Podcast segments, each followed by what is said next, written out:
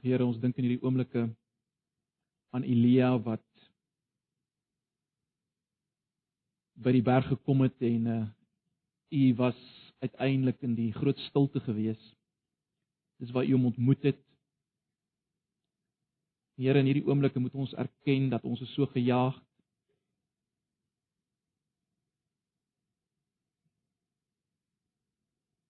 As altyd 'n geraas en altyd stemme dat ons dikwels nie tyd het om net stil te word voor U nie. Dankie daarom vir hierdie paar oomblikke wat ons net kan stil wees voor U. Ag Vader. Ons wil maar net ver oggend weer oorweldig word deur wie U self is. En ek wil nou vra as ons na U woord gaan luister, oorweldig ons met U self. Sodat ons nie anders kan as om U aan te roep in gebed nie. Asseblief, Here. Verwagting is van U en U alleen in hierdie oggend. Ons vra dit net in Jesus se naam. Amen. Kom ons blaai na Eksodus hoofstuk 1. Verlede Sondag het ons nou 'n oorsig gedoen van Eksodus. Julle behoort min of meer te weet nou hoe pas hy mekaar. Vanoggend fokus ons op Genesis 1 en 2. Nou terwyl van tyd gaan ons nie alles lees nie. Ehm um, Ek wil 'n paar verse aan die begin lees en dan aan die einde van hoofstuk 2. Kom ons lees Eksodus 1 vanaf vers 1. Hier volg die name van die Israeliete wat saam met Jakob na Egipte toe gekom het, elkeen met sy gesin: Ruben, Simeon, Levi en Juda, Isaskar, Zebulon en Benjamin, dan Naftali, Gad en Aser. Jakob het 70 afstammelinge gehad. Josef was toe al in Egipte. Met verloop van tyd het hy en al sy broers daar die hele geslag gesterwe. Die Israeliete uh, Israeliete was vrugbaar en het vermeerder, hulle het baie geword, so baie dat die land vol was van hulle. Geweldig insiggewend, né? Nee, ons het daarna gekyk. Vers 8: Toe 'n nuwe koning wat nie van Josef geweet het nie oor Egipte begin heers, het hy vir sy volk gesê: "Besef julle dat die Israeliete nou meer en sterker is as ons. Kom ons bedink 'n plan teen hulle sodat hulle nie kan vermeerder nie. Anders kan dit gebeur dat as daar 'n oorlog uitbreek, hulle dalk by ons vyand aansluit om teen ons te veg en ons land te oorweldig." Daar is toe slawe drywers oor hulle aangestel om hulle met dwangarbeid te onderdruk. Hulle moes die voorraadstede Piton en Ramses vir die farao bou.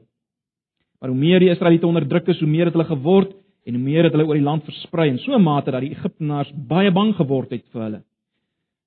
Die Egiptenaars het slawe gemaak van die Israeliete en die lewe vir hulle bitter gemaak deur swaar werk uh met klei en bakstene en deur allerlei ander werk in die lande. Hulle moes onder dwang al die slawe werk vir Egipte doen. Die Egiptiese koning het vir die Hebreëse vroedvroue Sifra en Pua gesê: "As julle 'n Hebreëse vrou by geboorte bystaan en julle sien by die kraambed dat dit 'n seun is, moet julle hom doodmaak, maar as dit 'n dogter is, mag sy bly lewe." En ek gaan ek gaan nie tot daar lees, ek gaan die verhaal aan uh en uiteindelik in vers 22 kyk net na vers 22 daarna die farao se hele volk beveel julle moet elke pasgebore seentjie in die Nyl gooi maar spaar die dogtertjie se lewe dis hoe ver hy gegaan het uiteindelik Dan kom ons by hoofstuk 2, uh die bekende gedeelte en gaan dit maar self, julle gaan dit in die Bybelstudies ook lees. Eksodus hoofstuk 2, bekende gedeelte wat ons van kleins af leer van Moses wat uiteindelik weggesteek is in die mandjie. Uh die dogter van Farao word uiteindelik geroep.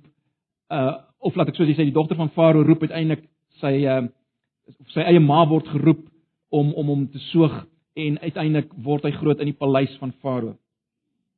Die gedeelte van Moses wat uiteindelik uh Egiptenaar doodslaan kry ons daarvan vers 11.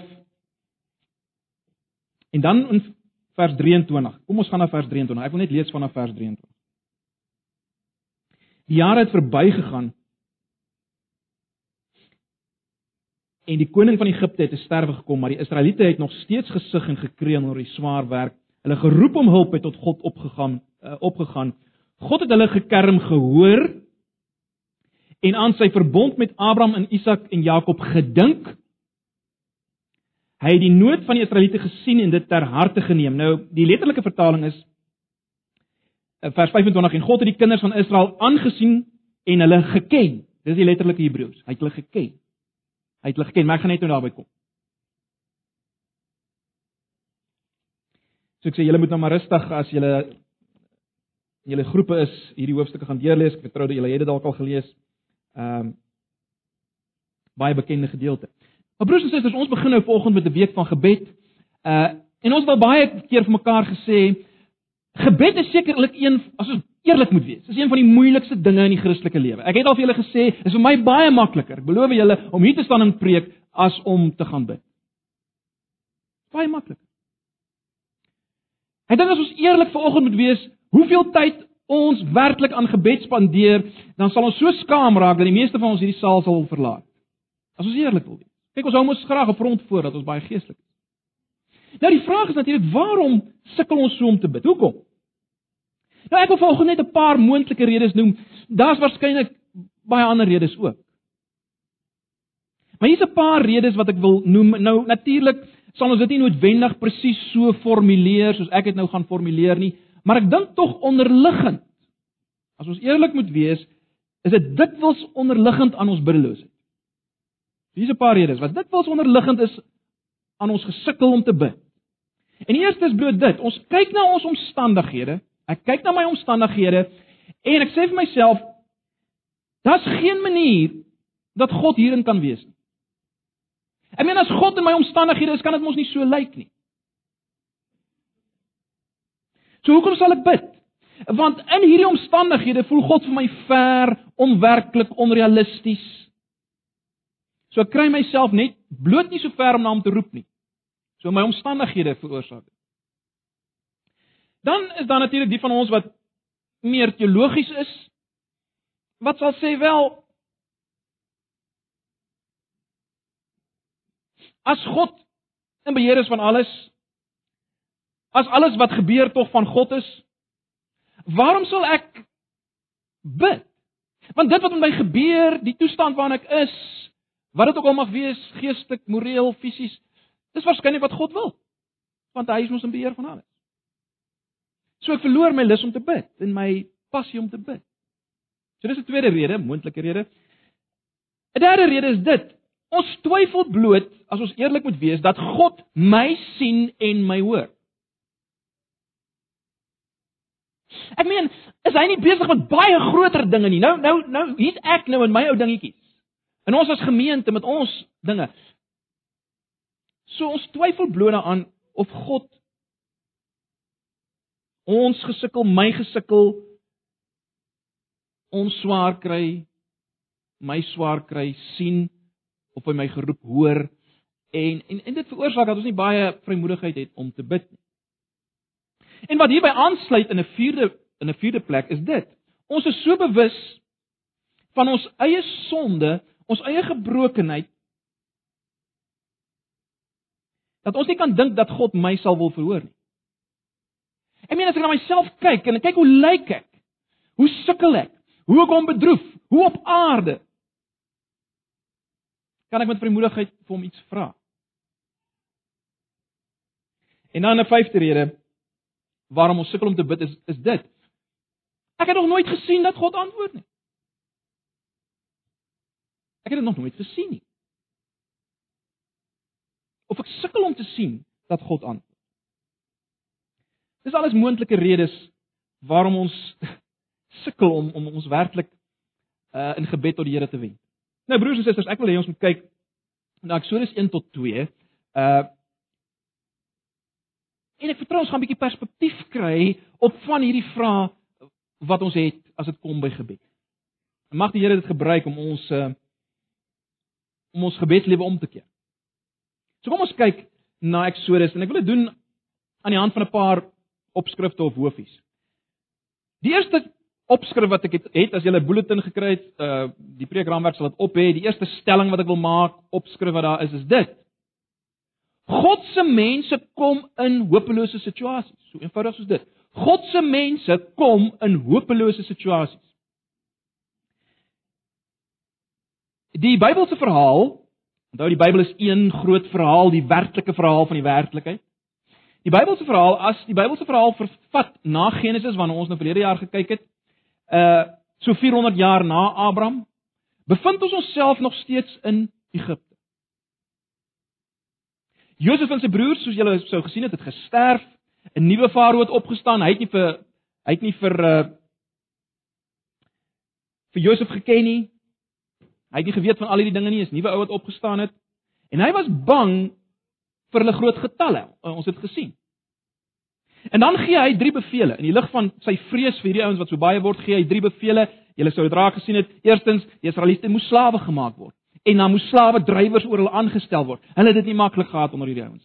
Dis die eerste ding wat hy uitgevaardig het. In die tweede plek het hy gesê wel die vroedvroue moet al die seentjies doodmaak. En toe dit uiteindelik nie werk nie, uh is daar uitgevaar afgevaar of, of is daar 'n wet uitgevaardig dat uh die seentjies moes in die krokodilbesmette Nyl gegooi word. So dis die drie dinge wat uh Farao die drie bevele wat hy gegee het. Nou broers en susters, ek wil eers met vir 'n oomblik dink aan Israel se posisie. Die volk se posisie daar in Egipte. Hulle was omtrent nou so 400 jaar daar gewees. Nou daar's geen Bybelse aanduiding dat enige profeet in hierdie tyd opgetree het en enige iets vir die volk gesê het. So dink daaraan, God was vir alle praktiese doeleindes vanuit hulle perspektief stil. Daar's ook geen aanduiding dat enige geskrif aangegee is vanaf die aardsvaders na hierdie ouens toe. Daar's geen aanduiding van so geskrif nie. Verseker was dit so dat daar 'n mondelinge tradisie was, dit weet ons. Mondelings is die verhale oorgegee. Maar maar maar dink nou vir 'n oomblik aan jouself, hoe werklik is die dinge wat 400 jaar gelede in ons voorgeslagte gebeur het vir jou? 1614 se koers. Hoe werklik is dit vir jou? Hoe realiteit is dit vir jou? Dit wat in 1614 gebeur het. Hoe baie weet jy van hierdie ouens? So broers en susters, dis die toestand van die Israeliete. God se mense, hoor, moenie 'n fout maak nie. Dis God se mense op aarde. Uit al die nasies van daai tyd was dit God se mense. En kyk waar's hulle. Ons ons moet dit nie miskyk nie. Ons ons is so gewoond aan hierdie stories. Ek weet, dit is verskriklik moeilik vir ons om om om om daai bekendheid af te gooi en dit weer te voel, maar dink daaraan, was God se mense, God se enigste mense op aarde Wat is hulle situasie? God is stil aan die een kant. Hulle is slawe van 'n vreemde koning. Hulle kry swaar, hulle word mishandel, hulle kinders word doodgemaak. Dis wat hulle is. God se mense. So wat is die punt? Sonder om te lank hier op uit te brei. Die punt is bloot dit broers en susters. God se mense en ek en jy moet dit vat vanoggend. God se mense kom in moeilike situasies. En daarom sal ek en jy ook in moeilike situasies kom. En daarom sal ons gemeente in moeilike situasies kom. Dis net so. Situasies waarin God oënskynlik nie is nie. En dit bring my by my tweede punt. Tweede opskrif is bloot dit: God is in die hopelose situasies. God is in die hopelose situasies. Wat ons moet raak sien in hierdie gedeelte is dit. God is in hierdie situasie. Om die waarheid te sê, deel van hierdie situasie is juist te wyte aan die feit dat God daar is. Het julle daaroor gedink al? Deel van hierdie situasie is juist te wyte aan die feit dat God daar is. Ek meen, hoekom wil die farao hulle uitwis? Het julle gesien hoekom wil die farao hulle uitwis? Wel omdat hulle te veel word. Hoekom word hulle te veel?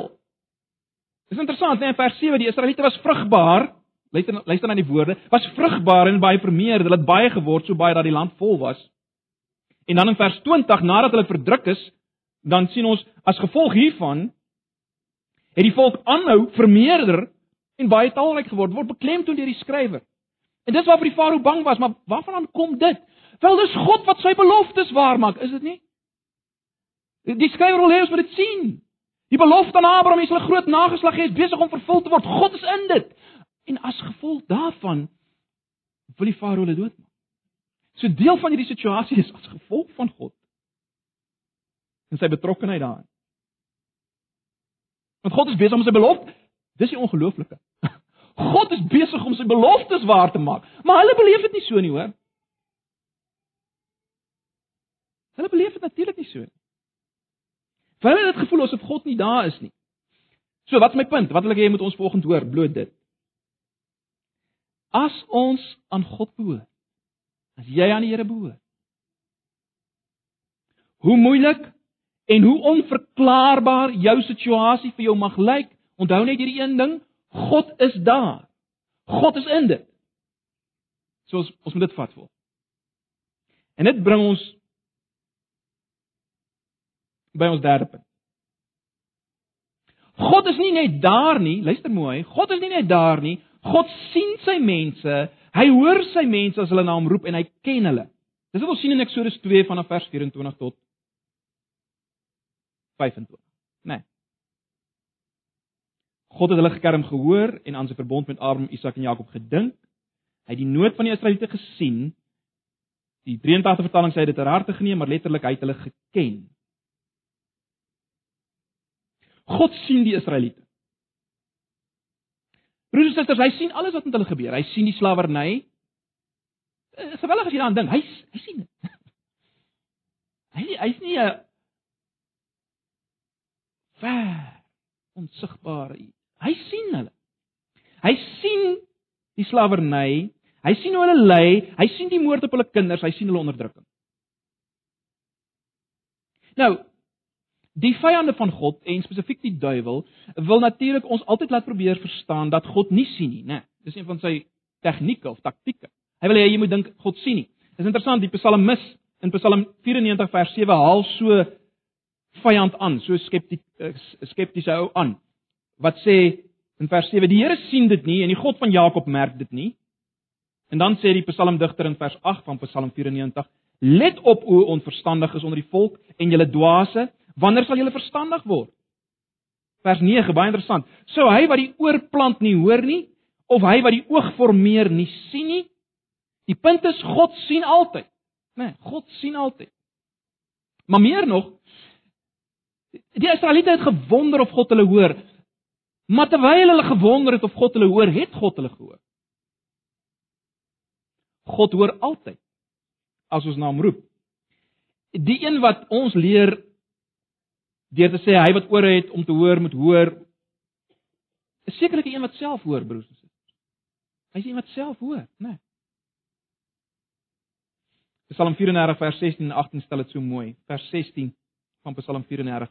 Die Here sorg vir die regverdiges en luister na hulle hulpgeroep. Hy luister na hulle hulpgeroep. As die regverdige om hulp roep, hoor die Here hulle en red hulle uit hulle benoudhede. So God hoor, God sien, God hoor, maar nou baie belangrik, God ken hulle ook. En ek gebruik die oorspronklike woord wat daar gebruik word. Ag, uh, julle sal opgemerk het julle uh, die wat verskillende vertalings hier het.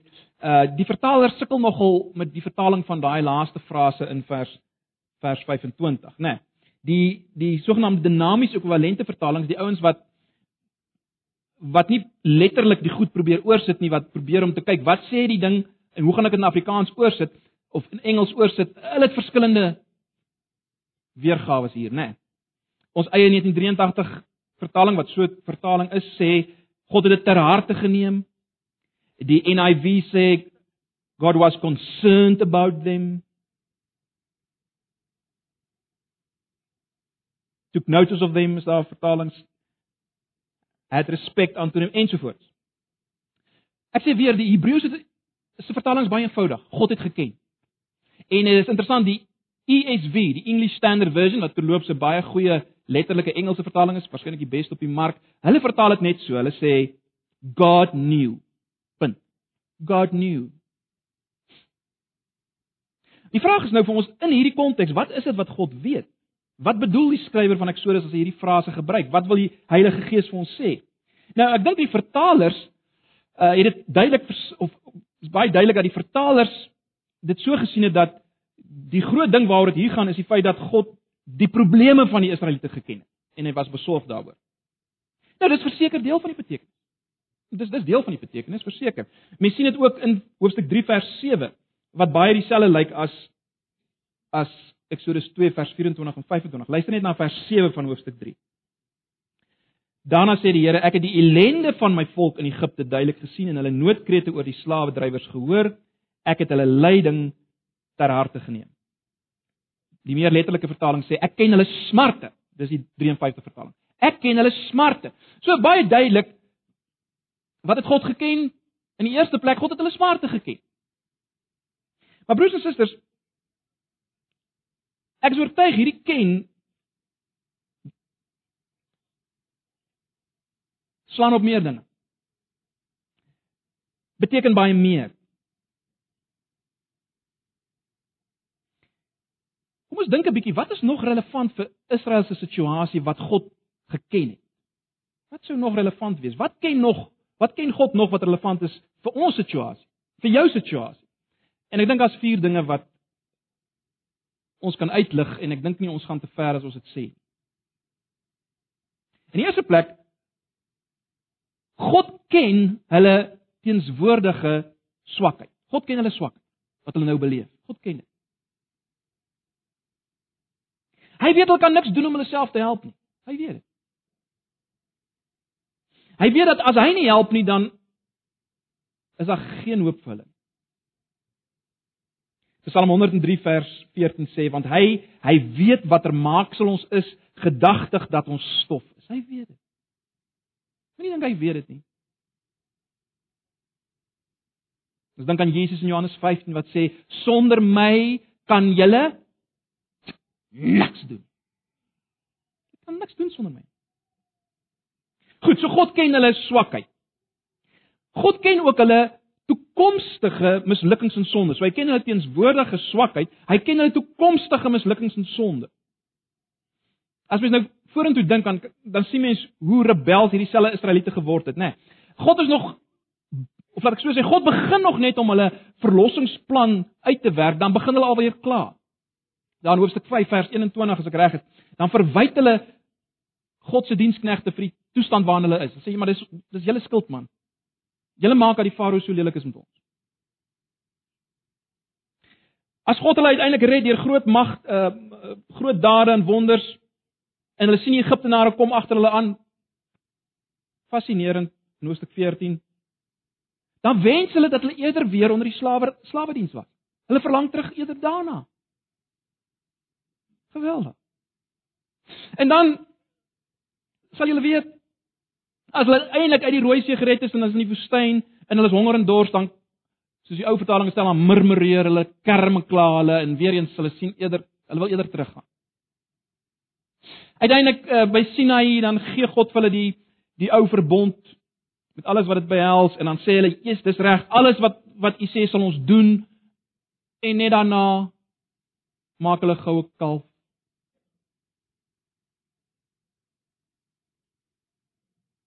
Hulle sê dis die af, dis dis dis die God wat ons uitgelei het. Ongelooflik. God self noem hulle 'n 'n hardnekkige volk, noem God hulle in in in Eksodus 32. Dis net 'n paar voorbeelde. Ons sal nog baie uh voorbeelde kon noem.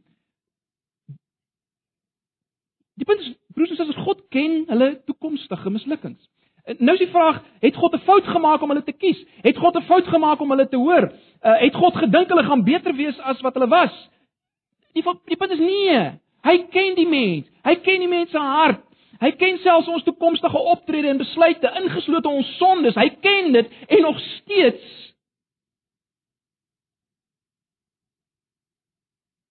hoor hy ons sien hy ons antwoord hy ons want ons is syne. Geweldig, is dit nie? God het al die toekomstige mislukkings van Israel geken, maar hy kies hulle steeds as sy volk. Hy luister na hulle gebed.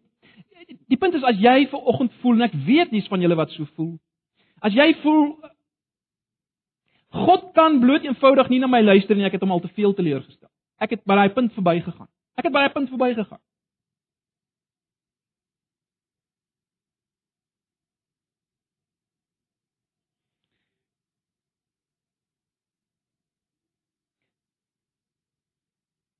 Jy moet onthou jy gaan hom nog meer teleurstel dalk. Wat ek en jy vanoggend moet hoor broers en susters is dit. Hy ken dit. Hy ken dit, hy weet dit. Maar dit maak nie dat hy jou nie hoor en sien nie. Want hoekom hoor hy jou? Hoekom sien hy jou? Nie omdat jy so oulik is nie, hoor. Nie omdat jy jou kant bring nie. Nie omdat jy toegewyd is nie. Hy doen dit omdat jy aan hom behoort omdat hy in 'n verbondsverhouding met jou staan in Christus Jesus. Ons sal nou nou daaroor praat. Dis alrede. En ons sukkel om dit te vat. Ons ons dink nog steeds dis as gevolg van my prestasie. wat hy na my sal luister. As ek 'n bietjie beter geleef het vandag, dan het ek meer vrymoedigheid om vanaand te bid. As dit moet wees, broers en susters, wat 'n hopelose situasie. Baie vinnig die derde ding wat God ken, is God ken die krag van die vyand. Of as jy wil, hy ken die krag van 'n fisiese siekte of 'n onderdrukkende situasie. Hy ken dit of 'n menslike vyand of die duiwel self. God ken die krag daarvan. Hy ken die planne en strategieë van die duiwel op hierdie oomblik. Hy ken dit.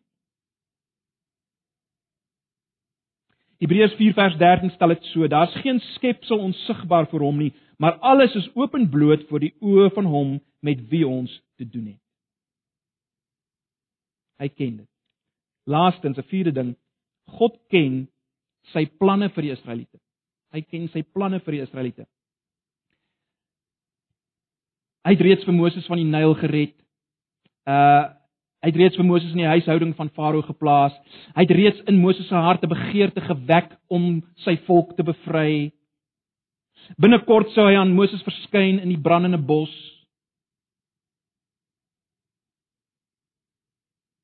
En al die gode oordeel in sy oordeel oor die pla. God het dit geken. God het hierdie planne wat hy gehad het vir Israel geken. So dis alles ingesluit in die wonderlike woord, God het hulle geken. Hy het hulle nie net gesien nie, hy het hulle nie net gehoor nie, hy het hulle geken. En dit bring ons by ons vierde groot opskrif. God tree op ter wille van sy verbondsbeloftes. Ag, ons het dit al so baie vir mekaar gesê, maar ek moet dit weer beklemtoon vanoggend. Jy sien God sien nie net nie, hy hoor nie net nie, hy onthou ook sy verbond as ek dit so kan stel. Hy onthou ook iets. Hy dink aan iets. En waarna hy dink wat hy onthou en wat hom uiteindelik laat optree is sy verbondsbeloftes. Dit is baie interessant as mens nou kyk na Genesis 15, uh waar God sy verbond formeel bevestig het aan Abraham, dan sê hy die volgende in vers 13 en 14: Weet verseker dat jou nageslag vreemdelinge sal wees in 'n land wat aan hulle nie behoort nie. Daar sal hulle diensbaar wees en verdruk word 400 jaar lank. Maar ek sal ook vers 14 oor die nasie oordeel aan wie hulle diensbaar moet wees en daarna sal hulle uittrek met baie goed. God het dit al gesê in Genesis 15. So wat wat's my punt? Die tyd in Egipte het God nie ontkant gevang nie. God het dit lankal geweet. Maar hy het hulle verlossing beplan. En dis wat nou moes gebeur. Dis wat nou moes gebeur. Verder meer het God nie net aan Abraham nie, maar ook aan Isak en Jakob 'n land beloof. Hy het hy het met 'n eed dit beloof. Sy naam is op die spel. Sy eer is op die spel. Hy moet vir hulle land gee. Hy kan nie anders as om hulle te verlos nie. As jy hoor wat ek sê. Hy het homself gebind aan sy verbond. Hy moet hulle verlos. Hy kan nie anders nie. Hy het homself daartoe verbind met 'n eed. Maar nou weet ek, sit ons alk met die vraag, goed en wel Jakobus, maar wat van my? Wat van ons? Dit was die Israeliete. Die nageslag van Abraham. Wat van ons? Wel, baie vinnig, ons het al hieroor gepraat. Enige een van julle wat al Galasiërs gelees het en ons het al Galasiërs gedoen 'n hele paar jaar gelede, maar julle sal weet dat die verrassende daar is in Galasiërs dat gelowiges baie interessant word nie die kinders van Christus genoem nie in Galasiërs. Natuurlik is ons die kinders van Christus, maar ons word nie kinders van Christus genoem nie. Ons word die kinders van Abraham genoem in Galasiërs.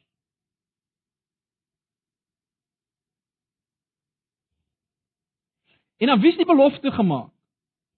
Aan Abraham en sy nageslag. Sy kinders. Nou, ons weet sy uiteindelike kind nageslag of saad is Jesus Christus. Maar baie interessant, die die die term wat daar gebruik word saad, nageslag is is 'n kollektiewe naamwoord. Dit sluit in Jesus en almal wat hom behoort is sy nageslag. Is Abraham se nageslag. En daarom as jy aan Jesus behoort, is jy die nageslag van Abraham. So wat is die punt? As God geluister het na Israel, die volk, hoeveel te meer sal hy na my en jou luister? Hoeveel te meer? Want ons is die ouens in wie die beloftes nou waar word.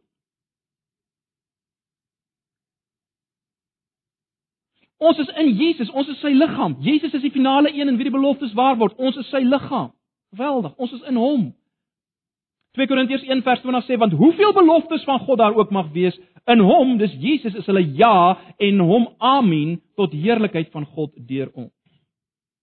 In 'n sekere sin kan jy sê Jesus is die finale ontvanger van al die beloftes, maar ons het daaraan deel deur die werking van die Heilige Gees. Ons is in hom. Ons het deel aan hom. En as jy wonder hoe op aarde kan kan God beloftes waarmaak in my lewe? Kyk hoe lyk ek? Wel, dit gaan nie weer eens nie oor jou prestasie nie. Jesus het voldoen. Jesus het voldoen aan die vereistes. Hy het aan die voorwaardes vir die waarmaking van die beloftes voldoen in ons plek en nou ontvang ons dit. Maar goed. Wat is die punt wat ons eintlik wil maak vir oggend toepaslik is op ons? Wel is dit. As ek en jy roep na God, luister hy, hy tree op want hy onthou sy verbondsbeloftes. Hy onthou sy verbondsbeloftes en dit kom ons toe in Jesus. In 'n ander woorde, die implikasie hiervan as jy nou die aanvanklike beswaar uh, vroeër na geluister het die beswaar van ag wat help dit as alles klaar besluit is? Wat help ek ek bid as as God alles maar net laat gebeur? Wat help dit ek bid? Julle sien u word die vraag beantwoord Wie word die vraag beantwoord? Jy sien, die God waarmee ons te doen het, is nie 'n koue rekenaar wat iewers alles geprogrammeer het en alles loop net af volgens sy program nie. Nee, dieselfde God wat in beheer is, is ook die God wat in verhouding staan, in 'n verbondsverhouding met sy mense. En hy neem sy bondgenote vir my en jou ernstig op. Hy tree met ons in gesprek. Ons kan met hom praat. Ons kan hom soos Moses later as te ware oortuig van sekere dinge in die lig van wat hy gesê het kan hom herinner aan sy verbond. Jy sien dis hoekom. So daar bestaan nie so iets van dit help nie ek bid nie want God het klaar besluit. Nee. Hy wil hê jy moet. Hy staan in 'n verhouding en hy luister na ons want hy het hom gebind aan jou in 'n verhouding. Verbondsverhouding. Ag, dis dis so deurslaggewend broers en susters vir ons Christelike lewe. En omdat dit waar is, reageer hy, né? Nee. Kan ons weet hy reageer? Gee ons hoop om te bid. Gee ons geweldig hoop om te bid. Ek bid nie tot 'n rekenaar nie. Wat alles klaar besluit dit nie. Ek bid tot die verbondsgod wat in verhouding staan met my. Ek sluit af die laaste punt is dit. God werk anders en God werk stadig. Dis baie belangrik. Let op hoe werk God. Ek het dit genoem verlede Sondag. God laat 'n baba gebore word. En dit sou 'n gewellige tyd vat, nê, nee, vir die vir die kind, vir die baba Moses om op te groei, 'n man te word, opgelei te word en dan die volk te bevry. Israel sou dit sekerlik anders wou gehad het. Toe hulle geroep het na God, het hulle nie in daai terme gedink nie. Hulle wou verseker gehad God moet onmiddellik iets doen en hulle net bevry. Dieselfde met ons, is dit nie? Elkeen van ons broers en susters sit met 'n idee oor hoe ons dink God moet antwoord en hoe vinnig God moet antwoord, né? Nee, ons elkeen sit met 'n idee daaroor. Ons leef in die tyd van selfone. As ek 'n SMS nou net gestuur het en ek kry nie 2 minute later een terug nie, dan is ek bietjie omgekrap. Nou God is nie so nie. God werk met 'n ander tydskema. Hy's buite tyd. Hy werk op duisende fronte te gelyk, op volmaakte wyse en op fascinerende wyse. Dink jy dit is fascinerend dat hy hier gewerk. Hy hy hy laat Moses in die Nylrivier gooi in 'n mandjie, die Nyl wat 'n god was van Egipte, daar laat hy Moses beland. Uiteindelik sorg hy dat Moses sy eie ma hom grootmaak. Moses kry die beste opleiding van die tyd, ek het dit genoem in Egipte. Ongeloof. Maar hy werk anders as ons. En hy werk stadig. Maar hy werk. Want hy bly getrou aan sy verbondsbelofte sy eer en sy naam is op die spel. En daarom broers en susters, wat ek en jy volgens moet weet is dit: God het nie verander nie. Die God van Eksodus het nie verander nie. Ek en jy het dalk verander, maar nie hy nie. En dis wat ons ver oggend die vrymoedigheid gee om te bid. En wat ons nou gaan doen en wat ons vir die res van hierdie week tot donderdag aand gaan doen, is om God vas te gryp en te bid in die lig hiervan. In die lig hiervan.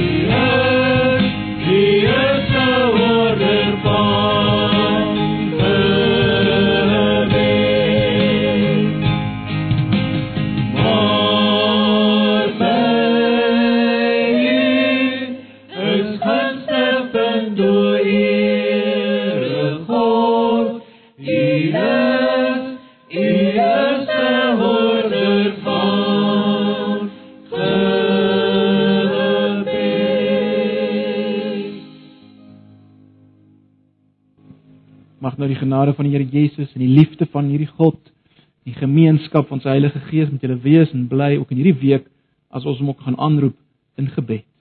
Amen.